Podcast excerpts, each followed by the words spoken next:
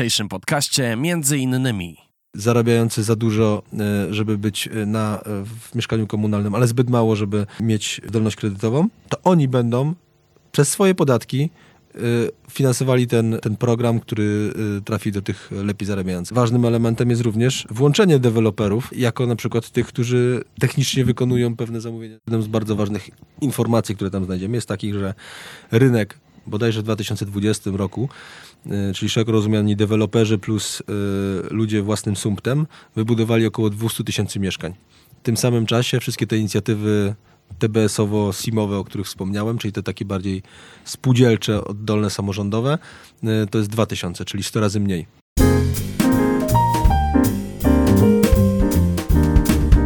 A dzisiaj naszym gościem dr Krzysztof Mazur, politolog, ekspert polityk, kiedyś były wiceminister rozwoju. Dzień dobry, panie doktorze. Dzień dobry, witam państwa. Czy politycy mają w ogóle instrumenty, żeby odpowiednio, świadomie kreować i ingerować w politykę mieszkaniową? W pierwszej kolejności politycy mają ogromny wpływ na kształtowanie dyskursu świadomości i tutaj nastąpiła ogromna zmiana w tym obozie liberalnym. Mm, e, to jest hasło, które kiedyś e, no, oferowała lewica i ono budziło duże kontrowersje. Mieszkanie no. prawem, nie towarem. Myślę, że parę miesięcy... Leszka Balcerowicza, który jest bardzo ważny dla środowiska, szeroko rozumianego środowiska liberalnego w Polsce, no to myślę, że teraz jest y, ogromna, ogromny znak zapytania, jak on sobie ma poradzić w tej nowej rzeczywistości, w której coś, co krytykował jako opozycji, której i partii politycznej, do którego pewnie jest mu ideologicznie najbliżej, mówi tym językiem, który kiedyś należał do języka lewicy mieszkanie jest prawem czy towarem? No, myślę, że jest y, jakby teraz y, pan mnie sprowadza do tego, żebym odpowiedział tak albo nie. E, Odpowiedź może być otwarta, to nie jest pytanie zamknięte. Tak, okej. Okay. E, wydaje mi się, że na pewno mieszkanie nie jest y, towarem jak każde inne.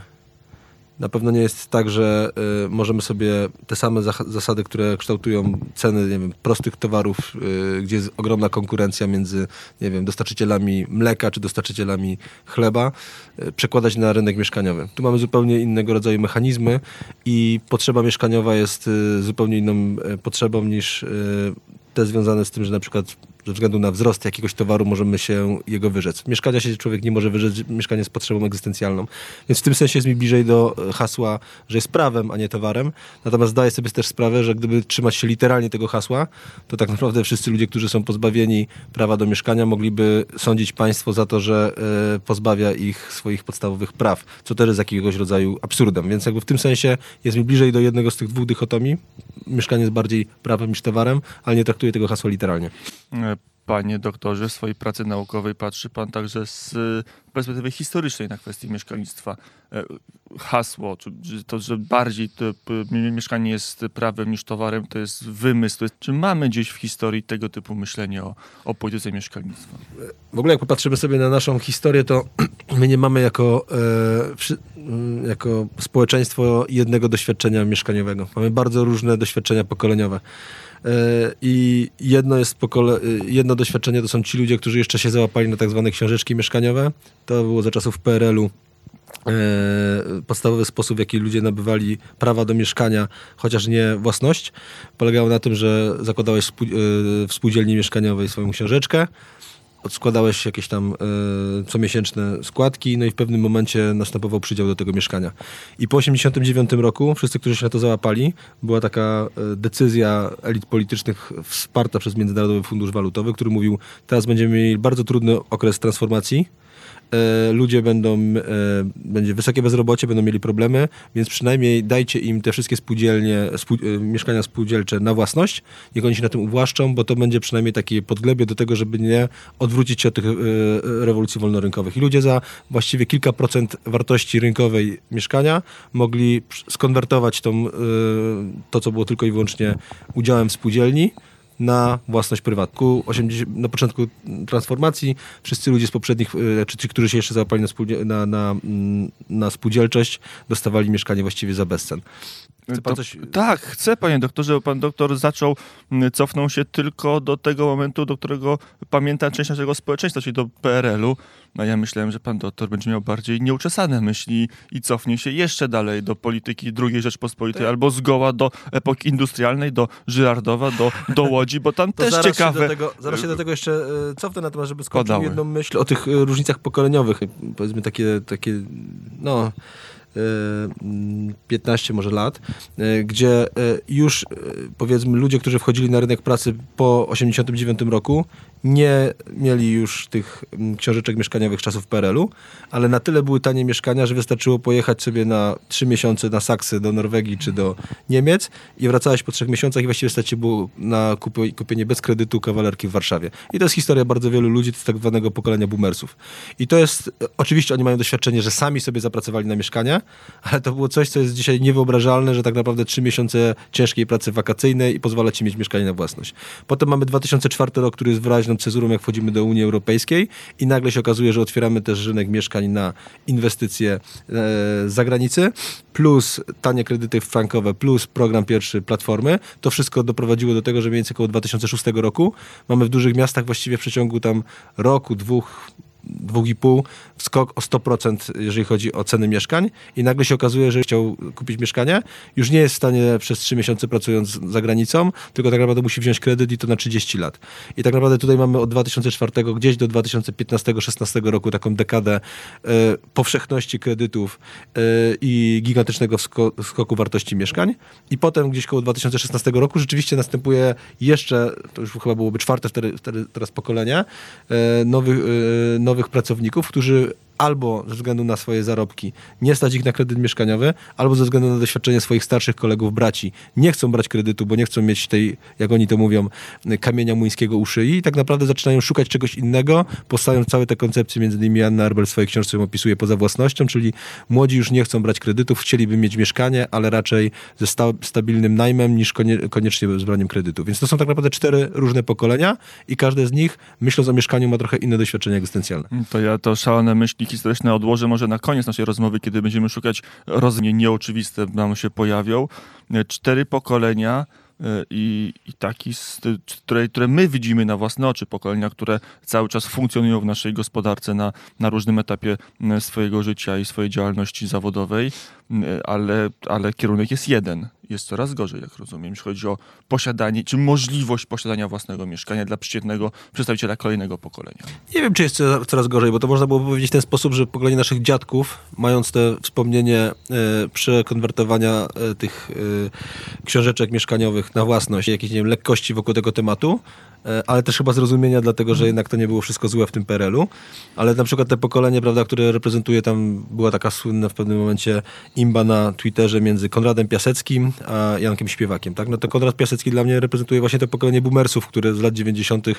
mówi, my tymi ręcami sobie na wszystko zapracowaliśmy, jakby pomijając ten aspekt, ile to kosztowało ich y, czasu i, i pracy, tak? A Janek Śpiewak, mówiąc już tym pokoleniem e, Gen Z, e, e, który nie chce mieć, mówił już zupełnie, o zupełnie innych warunkach i na rynku pracy i ten. Więc jakby, czy to jest e, coś, e, że to idzie tylko ku gorszemu? No nie wiem, wydaje mi się, że to pokolenie teraz te najmłodsze, to czwarte, no myślę, żeby się dogadało z pokoleniem swoich dziadków, bo myślę, że mają takie podstawowe poczucie, widzicie, jednak ta spółdzielczość perelowska, to nie było coś takiego st- strasznego, bo też na tym jakoś jesteście tego beneficjentami. I tutaj tak naprawdę jest jakiegoś rodzaju, no można było powiedzieć, pewna sinusoida między właśnie takimi bardzo liberalnym pokoleniem drugim i trzecim, czyli tymi boomersami i potem tym powiedzmy pokoleniem po 2004 roku, które kupiło Pokoleniem frankowym. program- pokoleniem frankowym, dokładnie, które kupiło i mówiło, nie, nie, nie, mieszkanie jest tylko towarem, sami sobie musimy na to zapracować, ale pokolenie dziadków i pokolenie tych wnuków już myśli w, w zupełnie innych kategoriach, ale z zupełnie różnych powodów, nie? E, A właśnie też zróbmy małą dygresję do PRL-u, bo to, to może budzić kontrowersje, zwłaszcza dla tych, którzy cenią sobie wolność, pluralizm, e, możliwość e, także życia na godnym poziomie. Nagle się okazuje, że PRL, który nie dowoził żadnej z tych rzeczy de facto, staje się w polityce mieszkaniowej dla niektórych wzorem, czy słusznie. Nie wiem, czy wzorem, bo to też trzeba szereg innych y, problemów, to znaczy, że te osoby bardziej zaradne nie miały alternatywy.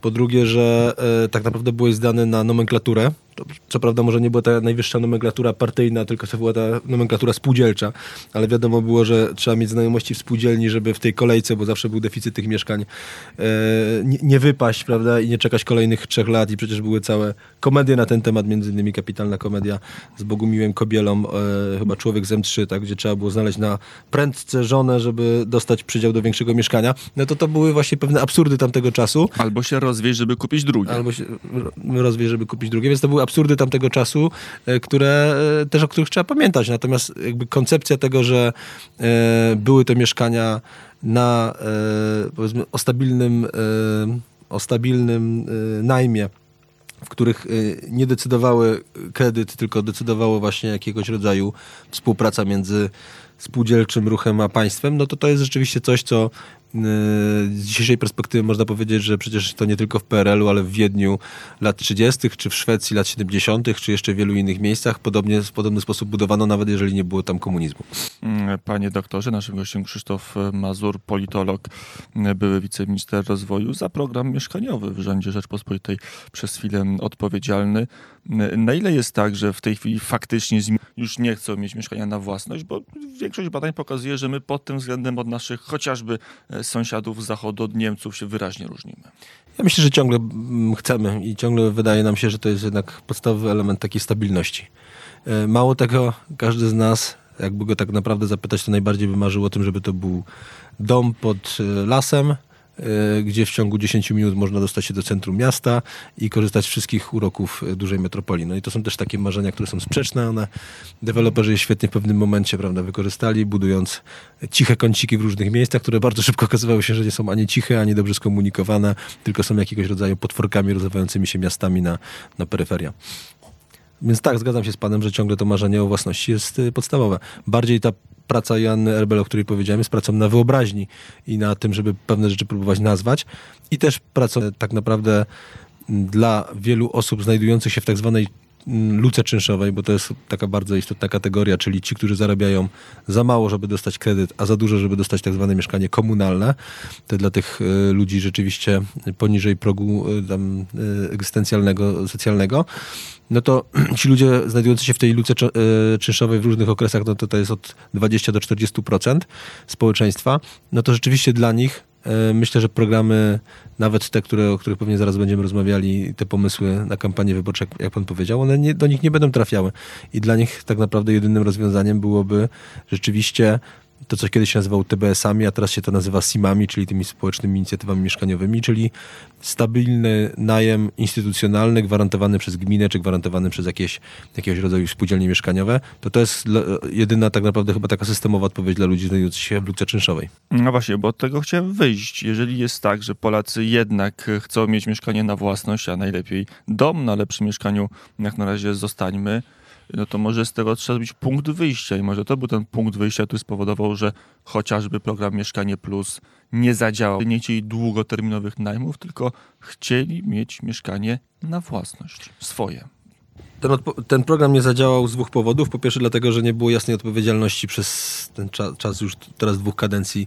Było tam dziesiątki tych ministrów, wiceministrów, którzy zajmowali się przez ten czas tym programem i każdy trochę mm, dodawał do niego swój nowy element i przez to on stawał się... To nie był konsekwentnie poprowadzona jedna myśl. E, Był przecież taki okres, w którym e, pomysł był taki, że to ma być jeden narodowy deweloper PFR nieruchomości i on tam przez kilka lat, nie wiem, chyba dwa, trzy, e, funkcjonował jako taki podstawowy, czyli że to państwo buduje to, te mieszkania. Potem był okres, w którym to bardziej poszło w kierunku tych tak zwanych Czyli e, już nie państwo, jeden narodowy deweloper, tylko tak naprawdę są spółki celowe robione przez spółdzielnie, e, przepraszam, przez sa, samorząd, e, BGiek e, i KZN, czyli Krajowy Zasób Nieruchomości. I tutaj tak naprawdę następuje na, na, na styku tego, co samorządowe i tego, co państwowe, powołanie spółki celowej, która ma właśnie mieć potem taki charakter e, mieszkań na, na wynajem. No a potem nagle okazało się, że jednak e, trzeba powrócić do tego pomysłu, jak pomóc ludziom w zdobyciu kredytu. Więc widać, że w przeciągu niecałych 8 lat właściwie mamy trzy różne podejścia w tej samej ekipie. Natomiast to jest jeden element, pokazując jakby przyczyny tego, dlaczego jesteśmy w tym miejscu, w którym jesteśmy, jeżeli chodzi o, o rzeczywistość po 2015 roku, no to poza brakiem tej konsekwencji, o którym powiedziałem, to drugim ważnym elementem jest, jeżeli popatrzymy sobie na raport NIK-u krytykujący Narodowy Program Mieszkaniowy z 2016 roku i pokazujący jego instytucjonalne słabości, to jedną z bardzo ważnych informacji, które tam znajdziemy, jest takich, że rynek bodajże w 2020 roku, y, czyli szeroko rozumiani deweloperzy plus y, ludzie własnym sumptem, wybudowali około 200 tysięcy mieszkań. W tym samym czasie wszystkie te inicjatywy TBS-owo-SIM-owe, o których wspomniałem, czyli te takie bardziej spółdzielcze, oddolne, samorządowe, y, to jest 2000, czyli 100 razy mniej. To pokazuje, że mamy po prostu e, ogromny problem też z instytucjonalnym po prostu e, wydolnością e, do tego, żeby nawet jeżeli państwo podejmuje taką strategiczną decyzję, że chce budować, albo w, w porozumieniu z samorządem, albo przez narodowego dewelopera, to potem ma bardzo trudny, y, ogromny trud, żeby dowieść. To jeszcze jedno pytanie w związku z tym, skoro tak dobrze budują prywatni, bo jak się spojrzy na dane, to w tej chwili budujemy niewiele mniej niż w epoce Gierka. Jeżeli wziąć pod uwagę metraż, to budujemy więcej mieszkań niż za Gierka, więcej metrów bieżących mieszkań niż to pytanie oczywiście jest, kto te mieszkania kupuje. No właśnie, jak, jak to się dzieje, że, mamy ponad... coraz więcej mieszkań, a coraz trudniej je kupić, trudniej niż e, w latach 90. czy w latach e, bogatsi, więcej osób chcą mieć własne M3, czy, czy są inne Nie, kwestie? Podstawowym, podstawowym tutaj danym, którym trzeba byłoby się przyjrzeć, to jest to, jak duża część z nich, z tych, z tych nowych mieszkań jest kupowana za gotówkę. I to znowu w zależności... Ponad połowa. Ponad czasem. połowa, tak, to jest około 60-70%. No to, to jest gigantyczna liczba. No i teraz można sobie zadać pytanie, kto jest w stanie przy takich rosnących cenach mieszkań kupić mieszkanie za gotówkę? I odpowiedź brzmi, że na pewno nie ci młodzi, którzy są na początku kariery zawodowej, chyba że to ich rodzice kupują im na start. Więc tak naprawdę mamy do czynienia z sytuacją, w której po prostu zamożni te osoby, o których wspomniałem, przede wszystkim z tego pokolenia boomersów lat 90., którzy nie byli obciążeni kredytem, bo mogli, jak powiedziałem, po trzech miesiącach kupić sobie kawalerkę. Przecież przez ostatnie 30 lat są na rynku pracy, są bardzo często e, świetnie zarabiającymi specjalistami, menedżerami. Nie nie byli obciążeni tym kredytem przez, przez całe swoje życie zawodowe. No i zaczęli do, e, doszli do wniosku bardzo szybko, że właściwie po co ryzykować jakieś e, niepewne inwestycje na giełdzie, czy e, w jakieś inne obszary gospodarki. Tak naprawdę inwestycja w mieszkanie jest najbardziej prostą i najbardziej bezpieczną inwestycją. No i okazuje się, że najpierw zaczęli kupować dla swoich dzieci, żeby dać im dobry start, no a potem jak mieli nadwyżkę kapitałową, to zaczęli kupować inwestycyjnie i dość powszechne jest przekonanie w dużych metropoliach, ale chyba nie tylko w dużych, dużych, że właściwie mieszkanie jest najlepszym czwartym filarem emerytalnym. Czyli, że kupujemy go po to, że jak nam emerytury nie będą tak wysokie, jakbyśmy chcieli, to po prostu z najmu, te, z, z e, zarobku z wynajmu takiego mieszkania będziemy mieli po prostu dopłaty do emerytury. I to jest po prostu dzisiaj podstawowy problem. E, ja nie mam jasnej i prostej odpowiedzi, w jaki sposób e, czy Donald Tusk, czy, czy premier Morawiecki mieliby ten problem rozwiązać, dlatego że zwłaszcza dla Donalda Tuska to byłoby uderzenie w jego elektorat więc lepiej jest obiecywać niż uderzać w elektorat, ale tak naprawdę gdybyśmy chcieli systemowo rozwiązać problem, e, czy przynajmniej obniżyć tą, tą presję na E, rosnące ceny mieszkań, to tutaj nie przez dolanie, dosypanie do, do kredytów, tylko przez zastanowienie się, w jaki sposób e, opodatkować tych, e, którzy myślą o mieszkaniu tylko i wyłącznie inwestycyjnie. A to jest problem? No, w sumie wolny rynek, jeżeli są pieniądze, to te osoby kupią to, co chcą kupić, a, a być może deweloperzy za chwilę się jeszcze bardziej rozpędzą i, i, i, i dobudują więcej mieszkań także dla tych, którzy... Z perspektywy zamożnej klasy, znaczy z perspektywy klasy średniej to nie jest żaden tłem każdy może przecież pracować, odkładać i to nie jest nic strasznego kupować swoim dzieciom mieszkanie i będą mieli rację. Natomiast z perspektywy tych wszystkich, którzy nie mieli takiego szczęścia, ich rodzice e, nie kupują im na prezent ślubny albo jeszcze przed e, tą decyzją nie kupują im mieszkania i nie mają dwóch innych, które będą im pracowały na rzecz ich emerytury, no to tak, z perspektywy tych, tych osób, no to to jest pewna niesprawiedliwość, dlatego że nie tylko mają oni gorszy start edukacyjny, co pokazują badania, tak, że jeżeli jesteś z mniej zamożnej rodziny, to masz gorszy start edukacyjny. Nie tylko nie mogą sobie pozwolić na przykład na studia zagraniczne, co też jest bardzo powszechne już wśród tych bardziej zamożnej klasy średniej, ale jeszcze do tego tak naprawdę ich perspektywa jest taka, że będą musieli walczyć o etat, będą musieli walczyć o kredyt, i to jest tak naprawdę wcale nie jest tak pewne, że perspektywa przez 30 lat spłacania tego kredytu yy, jest właściwie pewnego rodzaju aspiracją, do której, do której oni, oni, oni dążą. No i teraz w momencie, kiedy to osiągną, to przez kolejne 30 lat będą musieli spłacać ten kredyt. No i teraz jest pytanie, czy są w stanie zapewnić swoim dzieciom spłacając ten kredyt, mając te obciążenia, mm, rzeczywiście mieć taką nadwyżkę przez te 30 lat, żeby przynajmniej ich dzieci mogły wyjść z tej spirali. Nie? Wydaje Mm. się, że to jest bardzo trudne. W związku z powyższym będziemy mieli po prostu rozwarstwienie, które będzie narastało między tymi, którzy na wstępie już nie mają tych wszystkich obciążeń, a tymi, którzy właściwie dopiero za 30 lat może po spłaceniu tego kredytu będą poczuli, y, że, ma, że, że są na swoim. Mm, Panie mm, doktorze, w tej chwili toczy się debata w Ministerstwie mm, Rozwoju, jaki podatek wprowadzić, e, dla kogo. Wydaje się, że pewna jest opcja wprowadzenia jeszcze w tym roku podatek dla zagranicznych, czy w ogóle dla e, funduszy. No ale toczy się bój, czy także osoby fizyczne, które mają odpowiednią liczbę mieszkań, od zakupu kolejnego takim podatkiem obciążyć. Mm, O katastrze nikt nie mówi, czyli od podatku od wartości, a może powinniśmy. Jaka, jaki podatek byłby tutaj najbardziej skuteczny? To znowu to nie jest przecież prosta odpowiedź, yy, bo to są tak naprawdę dyskusje o pewnej sprawiedliwości społecznej, o aksjologii. No bo jak pyta mnie pan, co to znaczy, że najbardziej skuteczny? No, zawsze jest pytanie, jaki jest cel. Bo jeżeli celem jest, tak jak powiedziałem wcześniej, jakby... Otworzenie nie rynku nieruchomości dla wa- tych, którzy... Nie, nie. Podstawowym celem jest tutaj innego, bo narastające rozwarstwienie społeczne tak naprawdę doprowadza do szeregu problemów. No, takim charakterze też w pewnym momencie no, może nastąpić po prostu rewolucja, tak? Rewolucja tych, którzy czują, że tak są ustawione zasady gry, że oni nie są w stanie po prostu z tymi bardziej zamożnymi doskoczyć do ich, do ich jakiegokolwiek poziomu życia, nawet jeżeli byliby najbardziej pracowici przez całe swoje życie. Więc tutaj jakby pytanie jest o ten cel. Więc jeżeli celem jest to, żeby te rozwarstwienie społeczne nie narastało, no to tak, y, jakiegoś rodzaju opodatkowanie tych, którzy y, którzy, y, tak jak powiedzieliśmy, mają ten kapitał i mają możliwość kupienia mieszkania, byłoby sensowne. Natomiast znowu jest pytanie, czy robić to wstecz, bo wydaje się być, że to wtedy z kolei jest sygnał pod tytułem po raz kolejny ci, którzy są bardziej zaradni, bardziej pracowici i myśleli w kategoriach y, inwestycji pod swoje, y, dla swoich dzieci, mają być y, w jakimś sensie karani. Więc to też musi być jakiegoś rodzaju kontrakt społeczny, który raczej nie powinien działać wstecz, tylko powinien działać do przodu. Czyli raczej tak, podatek PCC osoba, a nie od wartości nieruchomości. Tak, żeby każda osoba, która myśli o tym, e, czy mając dzisiaj gotówkę, chce rzeczywiście kupić, e, kupić mieszkanie, mogła sobie zrobić po prostu kalkulację i żeby rzeczywiście państwo zachęcało ich do tego, żeby na przykład inwestowali bardziej w innowacyjną gospodarkę niż, niż w kolejne mieszkania. To już trochę na koniec wróćmy do tego pytania, które się pojawiło w naszej rozmowie, do tych liczb tysięcy od społecznych czy państwowych Mhm. deweloperów. Y, Państwo naprawdę obecnie nie jest w stanie wbudować mieszkania. No myślę, że ten proces jest bardzo długotrwały i w horyzoncie, w którym działamy, chcąc mieć efekty bardzo szybko i mówię teraz o politykach i opinii publicznej i, i mediach i tak dalej, i tak dalej, tak, no to myślę, że to jest y, bardzo trudne, żeby komuś powiedzieć, że efekty tych polityk mieszkaniowych zobaczymy za 10 czy 15 lat. Tyle by trwało, żeby państwo się nauczyło budować mieszkania? Tak, żeby stworzyć po prostu wydo, wydajny, wydajny system, w którym mielibyśmy e, też, no, musi być też jakiś e, element uczenia się prawa do błędu. No, jest bardzo szereg też elementów takich związanych z prawem.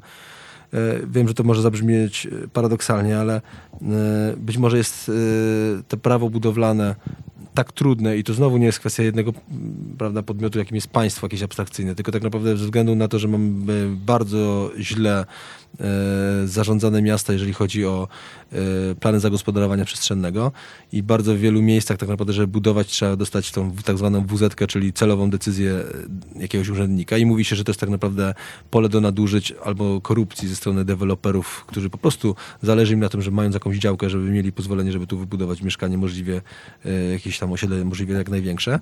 No, że tak naprawdę to wszystko jest e, e, z powodów prawnych bardzo trudne i deweloperzy czy prywatne podmioty próbują sobie poradzić nawet, nie wiem, gdzieś tam działając na, w szarej strefie. Żaden podmiot publiczny nie pozwoliłby sobie na coś takiego. W związku z tym wyobrażam sobie, nie muszę sobie tego wyobrażać, widzę to na, na, na, na własnych oczach, że y, w tym samym miejscu projekt robiony przez prywatny biznes, który wie, że każdy kolejny rok, w którym nie odda tych mieszkań, a ten kapitał jest zainwestowany, to jest dla niego strata, ma dużo większe ciśnienie, żeby doprowadzać do, do przebijania się przez ten gąszcz administracyjno-prawny.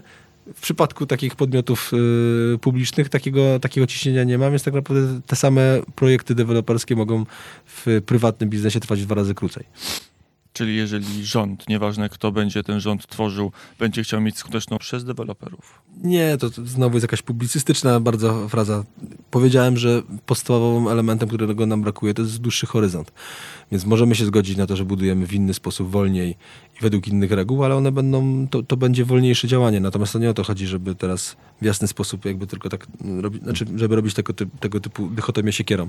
Natomiast tak, wydaje mi się, że w tej dyskusji, poza elementem, o którym powiedziałem wcześniej, czyli tego, jak ograniczyć ten, e, ten proceder czwartego filaru emerytalnego i kupowania za gotówkę, e, ważnym elementem jest również włączenie deweloperów jako na przykład tych, którzy technicznie wykonują pewne zamówienia ze strony, ze strony państwa. Wydaje mi się, że to jest dzisiaj znowu, patrząc prawem czy towarem, deweloperzy kontra, źli deweloperzy kontra dobre państwo, nie myślimy w tych kategoriach. A tak naprawdę być może jest tutaj jakaś przestrzeń do tego, żeby część tych kontraktów na mieszkania, na wynajem publicznych po prostu cedować, nie robić go przez tak zwanego narodowego dewelopera, tylko przez prywatnych deweloperów, co też byłoby odpowiedzią na jakiegoś rodzaju kryzys, jaki jest dzisiaj na rynku budownictwa, no ale nie w taki sposób, jaki, jaki chcielibyśmy według starych reguł, tylko po prostu na regułach, które państwo yy, ustanawia. Przedostatnie pytanie powiedział pan, że rok 2004 był taką cezurą, kiedy e, pojawiły się e, między innymi pieniądze ze strony państwa idące przez pomoc kredytową i to wywi- Zurą ze względu na to, że wraz z wejściem do Unii y, mieszkania mogły stać się też przedmiotem inwestycji innych obywateli spoza a potem 2006, 2000 6, 7 i piąty, szósty, siódmy to, jest, to są franki, a potem wraz z przyjściem Platformy do władzy to jest y, ich program związany z y, no, y, Rodzina na swoim, tak? Chyba on tak, on tak się nazywał, chociaż miał tam dwie odsłony. Także te trzy elementy y, zadecydowały o tym, że między 2004 a 2008 nastąpił gigantyczny y, wzrost wartości mieszkań. gdyby teraz przyjąć projekt masowego, masowej dopłaty do kredytów, jakby się to skończyło, jakby on zagrał, no weźmy już Ja myślę, że jeżeli chodzi o te ostatnie, kredyt ostatnie 0% pomysły, wprost mówiąc. Tak, e, e, ostatnie pomysły, to myślę, że tutaj są bardzo fajne wyliczenia z ostatnich dni, które pokazują, że w przypadku rodziny mającej dwójkę dzieci i mającej średni dochód, właściwie tego typu kredyt pozwoliłby na wzięcie, znaczy tego typu rozwiązanie pozwoliłoby na wzięcie kredytu około 430 tysięcy złotych przez rodzinę z dwójką dzieci. Czyli patrząc na dzisiejsze ceny mieszkań, mniej więcej można byłoby w Warszawie kupić 40 metrów i to w takiej już gorszej lokalizacji. W Rzeszowie to można byłoby kupić około 70 metrów. Nie? Więc to jest jakby to pytanie, czy w związku z tym jest to coś atrakcyjnego dla ludzi, którzy mając dwójkę dzieci, mają średni dochód? Chyba nie. Więc wydaje się, że tak naprawdę ten program trafi przede wszystkim do tych ludzi, którzy i tak mają zdolność kredytową, e, ale przyspieszy to ich decyzję, dlatego żeby załapać się na ten program, jeżeli by został w ogóle wprowadzony, e, zanim kolejna ekipa go zmieni. Tak? Więc tak naprawdę to będzie tylko i wyłącznie sposób na to, żeby ludzie raczej o wyższych i znowu, kto za to zapłaci? Zapłacą ci go gorszych e, zarobkach. I tak jak powiedziałem, ci ludzie znajdujący się w luce czynszowej, e, czyli zarabiający za dużo, e, żeby być na, w mieszkaniu komunalnym, ale zbyt mało, żeby mieć zdolność kredytową, to oni będą przez swoje podatki finansowali ten, ten program, który trafi do tych lepiej zarabiających. Także znowu, patrząc z perspektywy celu, jakim jest walka o to, żeby nie było jak największego rozwarstwienia społecznego, to wydaje mi się, że te rozwiązania są przeciwskuteczne. Gościem y, naszej rozmowy był dr Krzysztof Mazur. Panie doktorze, na koniec tej historii wróćmy. Pana ulubiony przykład polityki mieszkaniowej y, w, w, ciągu całego trwania ludzkości cywilizacji, każdej możliwej pod słońcem, jakiego pan doktor sobie wybił po, y, po, po Polsce XXI pytanie pan mi zadaje. E, nie no, ja jestem e, pod dużym zawsze wrażeniem tych, e, tych programów mieszkaniowych e, wiedeńskich, jak wszyscy, którzy zajmują się polityką e, mieszkaniową, tam do dzisiaj e, ponad e, 40% zasobu mieszkaniowego jest właśnie tymi mieszkaniami na wynajem. E, Natomiast, e, wie pan, myślę, czy to jest możliwe e, w dzisiejszych warunkach. E, To, co powiedziałem e, odnośnie pewnej plątaniny mm, regulacyjnej, E, Teraz będą także nowe reguły w budownictwie dotyczące e, ochrony środowiska i polityki klimatycznej. Mamy te wszystkie kwestie samorządowe. Tak naprawdę w pewien sposób buduje się dzisiaj dużo trudniej niż 100 lat temu. To jest taki paradoks. Znaczy, że e, pewna sprawczość instytucjonalna w Wiedniu lat e, 20., 30. była wyższa niż w Polsce 2023 roku. I to jest też powód, dla którego się zaśmiałem na Pana pytanie, ponieważ e, możemy sobie brać dowolne, pozytywne przykłady z przeszłości, ale to jest trochę taki e, jakiś mały wycinek, e, patrząc szerzej, no to widzimy, że to nie jest nigdy, e, rzeczywistość nigdy nie jest identyczna i nigdy nie jest e, do przełożenia jeden do jednego. Powiedział dr Krzysztof Mazur, politolog zajmujący się politykami mieszkaniowymi, były wiceminister rozwoju.